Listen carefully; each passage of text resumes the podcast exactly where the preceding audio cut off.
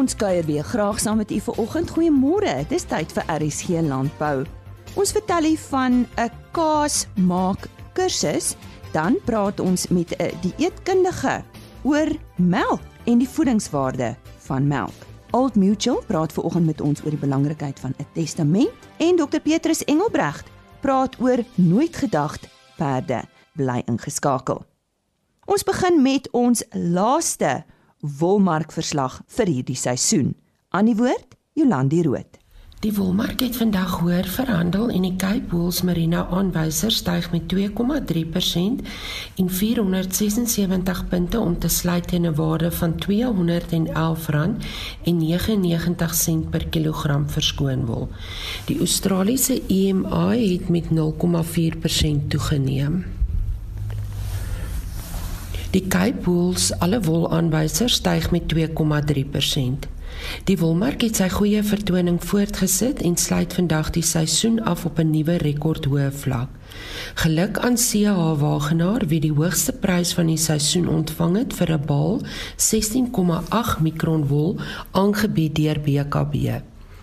Die mark is weer eens aangedryf deur die wêreldwye sterk vraag na gehalte lang en fyn wol, waarvan die plaaslike aanbod beperk is ten spyte van vandag se groter veiling waarvan die meerderheid wol van gemiddelde lengte en fyn was.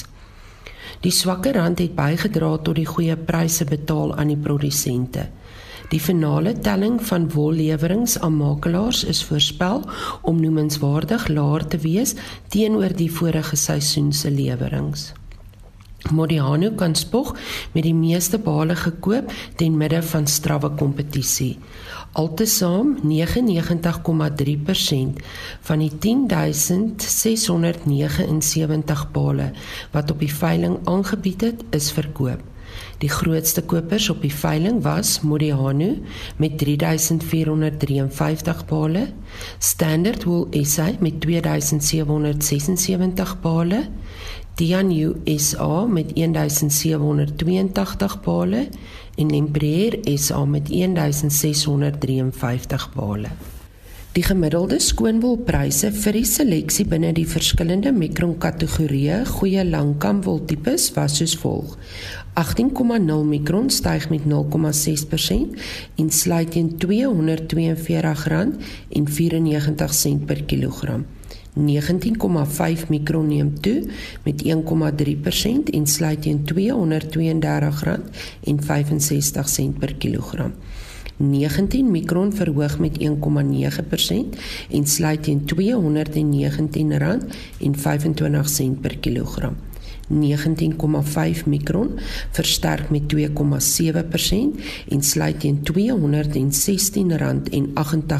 per kilogram. 20 mikron is 2,4% hoër en sluit op R214,52 per kilogram.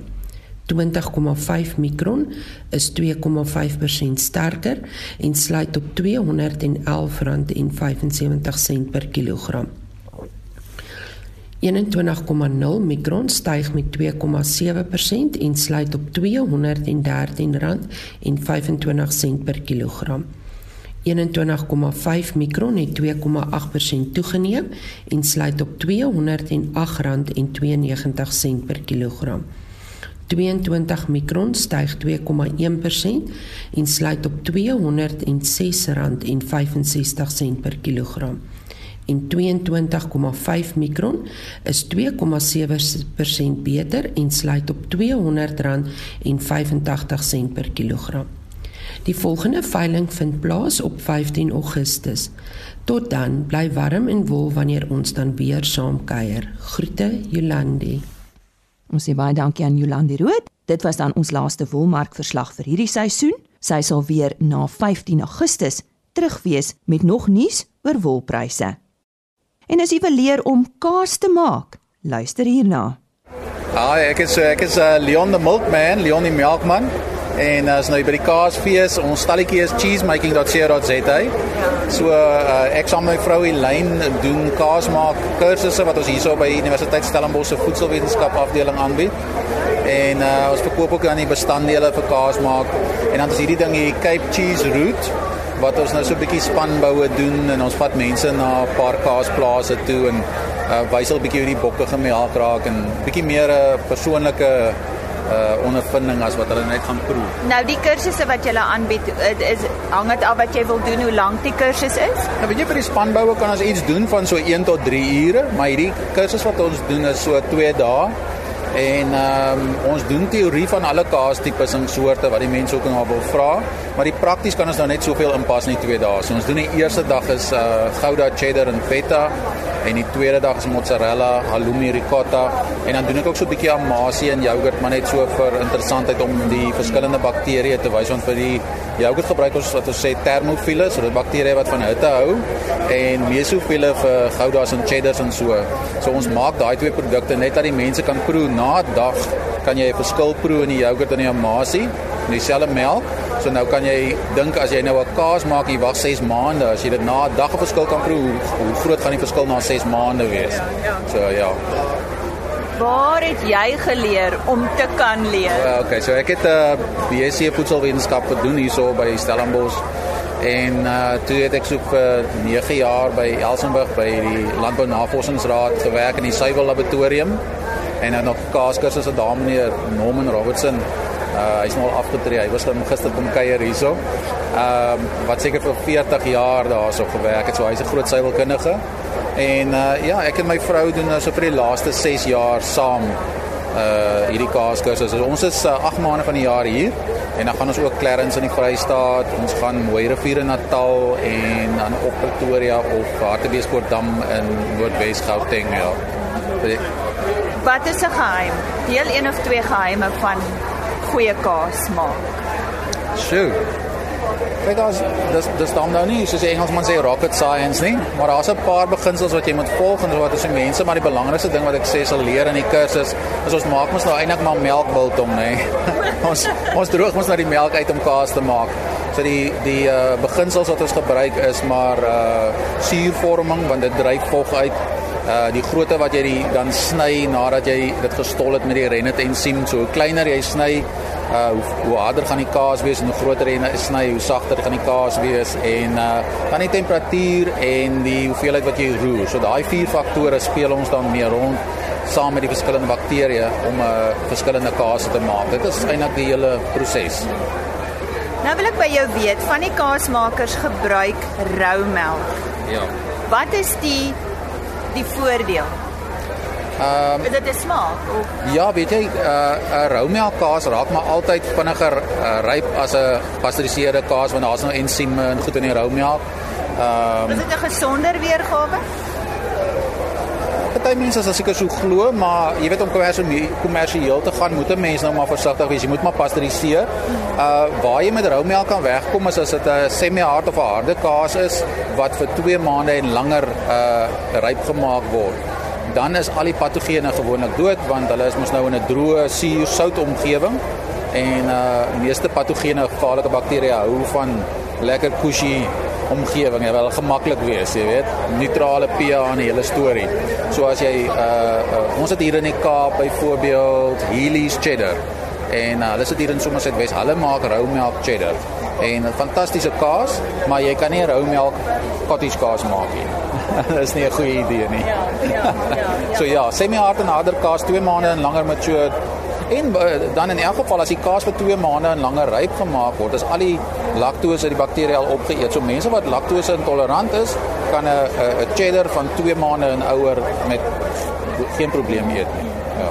En ek dink deesdae met die met die met die voedsel gevare wat ons in ons land ja, het, ja. is mense maar versigtig. Ja. So so dit dit is okay om kaas te eet wat met rou melk gemaak is. Ja, weet jy, um, ek dink die mense het nou 'n redelike uh ek sê jammer vir die Engels maar wake up call gekry en en uh die realiteit ek bedoel vroeër jare ek ek praat nou nou korrek sê ek is nie 'n verskriklike microbioloog nie ek het dit op universiteit gehad en dis dis hoe ver as dit gaan maar uh die toetse byvoorbeeld is een keer 'n maand gedoen vir listeria en hierdie tipe goed jy weet en en en ook my vraag is as hy nou op vakansie die res van die tyd jy weet en baie keer het hulle dit in die drein gedoen en en so so hulle doen 'n drein swab en so nie op die produk self nie en nou daar's op definitief 'n paar goedjies wat kan reggestel word.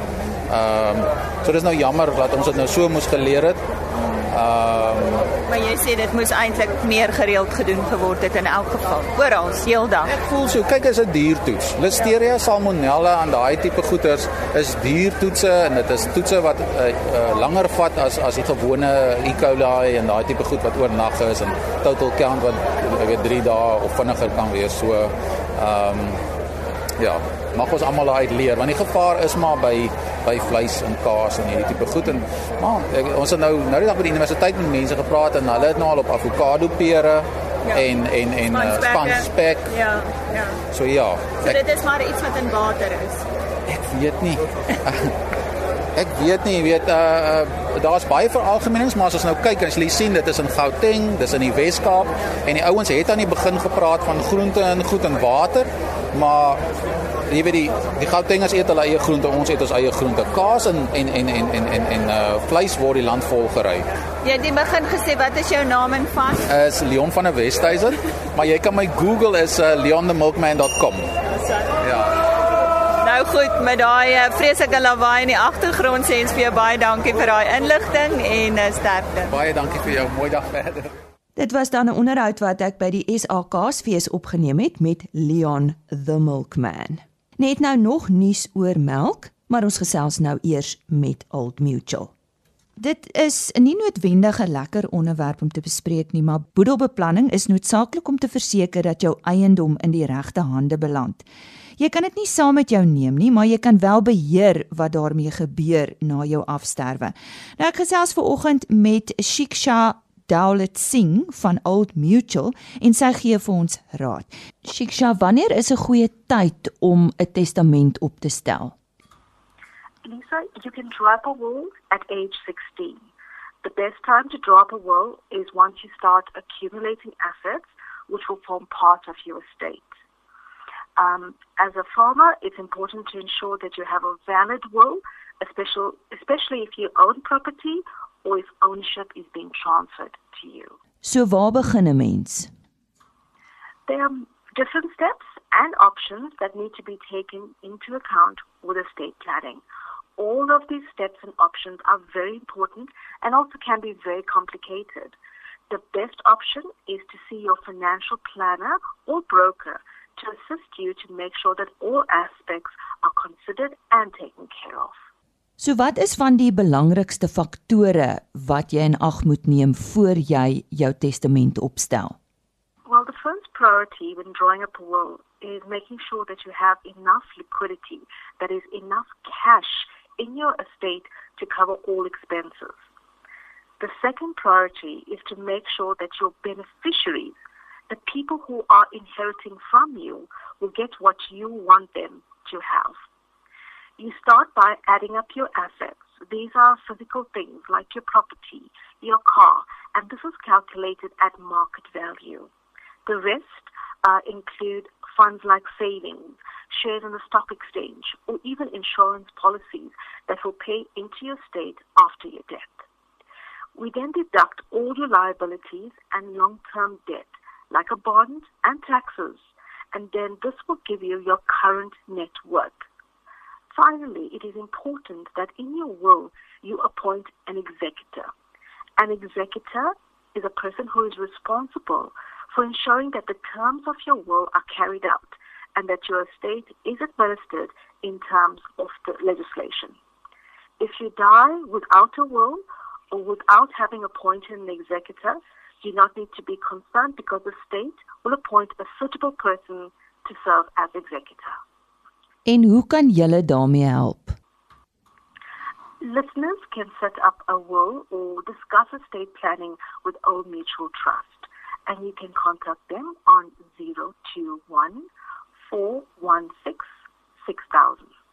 Or you can speak to your Old Mutual advisor or your broker or contact us on www.oldmutual.co.za.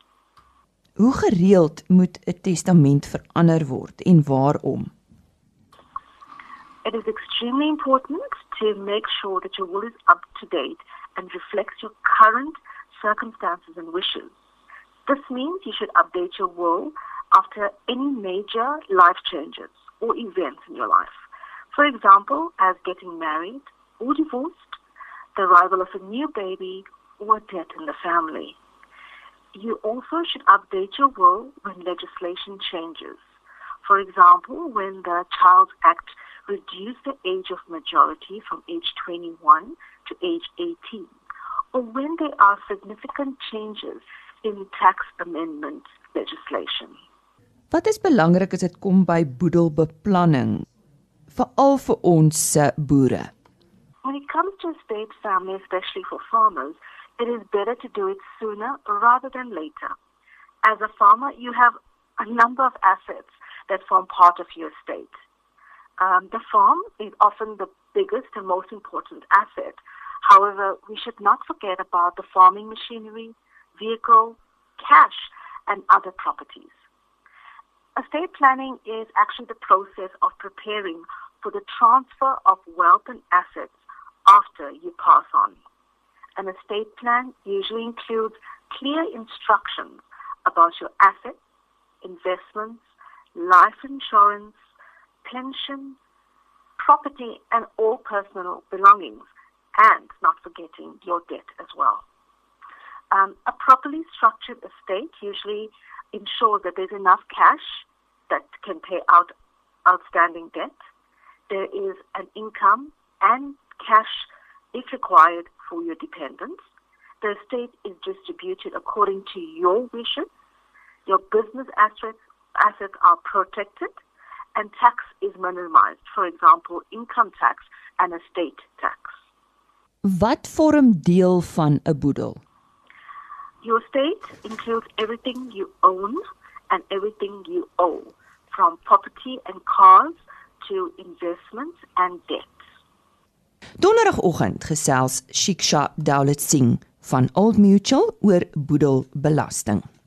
Ek het op 5 Junie 'n Melk SA inligtingsdag bygewoon. Hierdie inligtingsdag was gefokus op dieetkundiges. Hierdie program is aangebied as deel van 'n voortgesette voedingsonderrig geleentheid van die dieetkundige groepspraktyk Nutrition Solutions. Dr Tushka Reinders het 'n aanbieding gedoen oor die voedingswaarde van melk en hoe dit vergelyk word met plantgebaseerde produkte wat die verbruiker dikwels in plaas van melk gebruik. Sy gee meer inligting oor die doel van die dag. Dit gaan oor die doel van die persepsie wat die wat die um consumer daar buite het. Laat baie mense voel dat sy wil nie gesond is nie, dat dit nie gemaak is vir die menslike spesies nie en dat hulle oorslaan na plant-based beverages toe. En dan kan ons eerder vir hulle die gewys of die doel was daarom te wys dat dat sy wil wel 'n voordeel het bo jou plant-based beverages en ook om te sê van dat dit 'n sustainable ding is wat wat op die vier pilare kan rus. Nou die plantgebaseerde alternatief wat mense gebruik, is dit besig om toe te neem? Is besig om vreeslik toe te neem. Ons wêreldwyd of in Suid-Afrika? Wêreldwyd, wêreldwyd. Ja. En ons sien dit in die in die navorsing oor dat dit veral onder kinders toeneem. So as die ouers besluit, jy weet, die die melk volgens die trends wat hulle hoor is nie meer gesond nie, dan begin dit op die kinders weer speel. Die kinders kry meer van hierdie plant alternatiewe in en so. Ja. Maar ons sien dit in ons eie praktyke ook. Ja. Wat is jou rol by Melk Suid-Afrika? Ek is op 'n paneel wat ons um, 'n advisory board vir artikels geskryf word sodat hulle uit 'n onafhanklike oogpunt uit van dieetkundiges ook of uit 'n biochemiese oogpunt uit navorsing kan kry wat dan kan staaf of die goed wat hulle sê wel waar is of nie. Mm. Nou ek weet dis 'n lang bespreking wat jy gegee het, maar baie kortliks. As jy nou vir my kan sê wat is in melk teenoor wat is in alternatiewe plant uh uh produkte wat mense gebruik? Ek noem maar uh, iets soos amandelmelk. Ja. Amandel is nou 'n gesonde neut en ons weet hy's goed vir ons bene en goed vir kalsium. Kortliks, wat het iets soos melk wat die ander nie?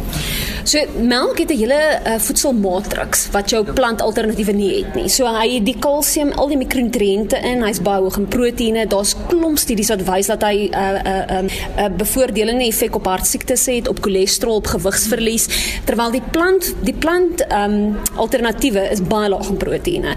Hy uh, moet gefortifiseer word. So baie mense glo dis baie meer natuurlike produk, maar omdat hy gefortifiseer is, is daar baie meer chemiese goeders daarin. So dit is nie noodwendig 'n gesonder produk om te gebruik nie.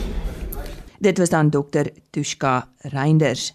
Nou 'n vooraanstaande melkboer van die Oos-Kaap, Nigel Lock, het ook oor verantwoordelike melkboerdery in Suid-Afrika gesels. Ek het ook met hom gesels oor melkvolume tans en wat verwag word vir die winter. Dis dis wel daar's baie melk in die land. Daar's daar's definitief baie melk ons ek dink dit is omtrent 6.5% bo kan verlede jaar. Maar dit kom hoofsaaklik uit die kusprovinsies. En die die Oos-Kaap veral so 'n derde van die land se melk produseer in verlede jare baie goeie lente gehad en toe die droogte kom het die ouens baie lucerne gevoer en die melk hoog gehou. Maar nou die melkpryse geval en as jy as jy weer nou normaal, normaal toe teruggaan en ek dink dit gaan dalk weer dat ons 'n koue ehm um, winter het 'n kalfseisoen, 'n koue nat kalfseisoen, dan gaan jy dan kan jy ding baie gou regtrek. Baie gou hier by die einde van die jaar vroeg volgende jaar. Ons is weer in balans. Hoe gaan dit dink jy met die met met die melkboer in Suid-Afrika? Nee, die, ons ons het 'n baie goeie 18 maande gehad, die laaste 8 tot omtrent so 2, 3 maande gelede. Van die tyd dat die mielieprys begin daal het, het ons dit het eintlik goed gegaan met die boere. En ouens het baie kapitaal belê wat wat hulle nie gedoen het vir die vorige 5 jaar wat hulle moes gedoen het. So die ouens het nou het het, het goed aangegaan. Maar baie ouens het ook baie uitgebrei en uh, so dis ook een van die redes hoekom daar nou ooskot is. Mm. Maar ek dink ons gaan in vir 'n tawwe paar jare want die landsekonomie is nie baie sterk nie. Pryse in die supermarkte moet nog 'n bietjie daal voordat om te verkoop te kry want dit is 'n supply and demand storie. So ek dink die ouens moet net vas by daai wat daar is. En dit gaan die van volgende jaar af gaan die dinge begin maar hy gaan nie hy gaan nie net skielik oor nag reg kom nie. Daar kan dalk ek dink daar gaan dalk nog prysdalings kom want daar daar gaan 'n groot lente surplus wees vir jaar. Is daar nog boere wat uittrek uit die industrie uit ek dink nie daar's die die die ding is die die die skuif van melk van die binneland af van die kusgebiede is hoofsaaklik omdat die ouens daaronder in die kusgebiede uitbrei met baie groot melkstalle soos ek verstaan daar's sewe groot stalle wat gebou word in Visrivier Vallei. En daai baie van daai melk kom Johannesburg toe. En ek dink wat daar gebeur, die economies of scale, as die tanker nou 30000 liter gaan optel, gaan hy eerder daar gaan as iewers gaan waar hy 5000 na vyf plase toe moet, ses plase moet gaan waar hy 5000 moet optel. So ek dink ongelukkig is dit nie meer die ouens wat 1000, 2000 liter 'n dag produseer wat wat uitgaan nie. Dis mense wat hierso by 5 en 10000 is. Maar daar's definitief 'n konsentrasie van melkproduserende areas in die land en dit is dis maar dis hoe dit is. Dit is dan 'n bekende melkboer van die Oos-Kaap, Nigel Lock. Ons gesels ver oggend oor die nooit gedagte perd en ons praat met een van die raadslede van die nooit gedagte perde teelersvereniging Dr Petrus Engelbregt. Petrus, ja, vertel ons bietjie van hierdie perd. Waar kom die perde nou vandaan? Sê dan as ons begin met die begin van die um, van die storie en in 1652 toe Jan van Riebeeck aangekom het, was dan nie perde wat hulle kon gebruik nie. So die eerste perdjies is van Java af ingevoer, wat destyds 'n kolonie van Holland was. En die perdjies kon actually nie land in die Kaap nie, hulle kon eers hulle moes eers Sint Helena toe gaan en van daar af is hulle ingebring. En later is ook Arabiere ingebring in Berbeperde en ook 'n Spaanse perd, Spaanse perde. En dit het die Kaapse perd ehm um, toe gevorm. Interessant, die eerste landbou uitvoerproduk was perde in die 1700s gewees wat na Indië toe gestuur is. Uh, as ehm um, oorlogsperde en ons ook perde na Krimea toe gestuur vir die Krimea oorlog.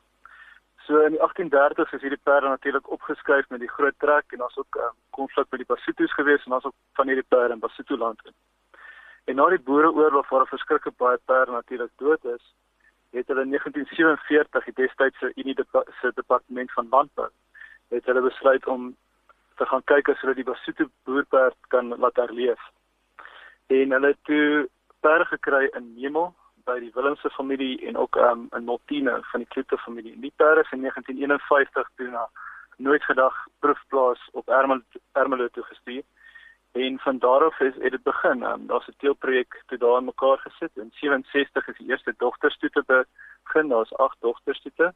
En in 76 het ons die eerste um, inheemse perde ras geword in Suid-Afrika. So die naam kom eintlik van daai plaas af, is ek reg?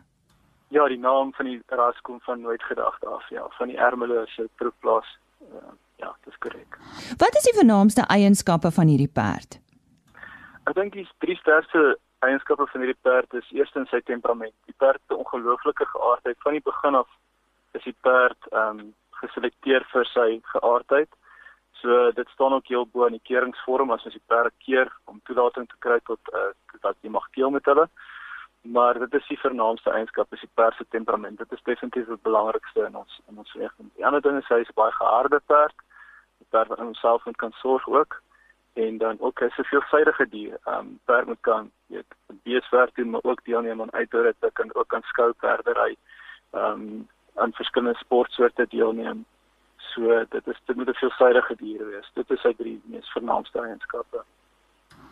Nou ek moet nou net vir die luisteraars sê toe ek en jy nou laas gesels het het ons oor hoenders gesels want jy's eintlik 'n 'n hoenderveearts.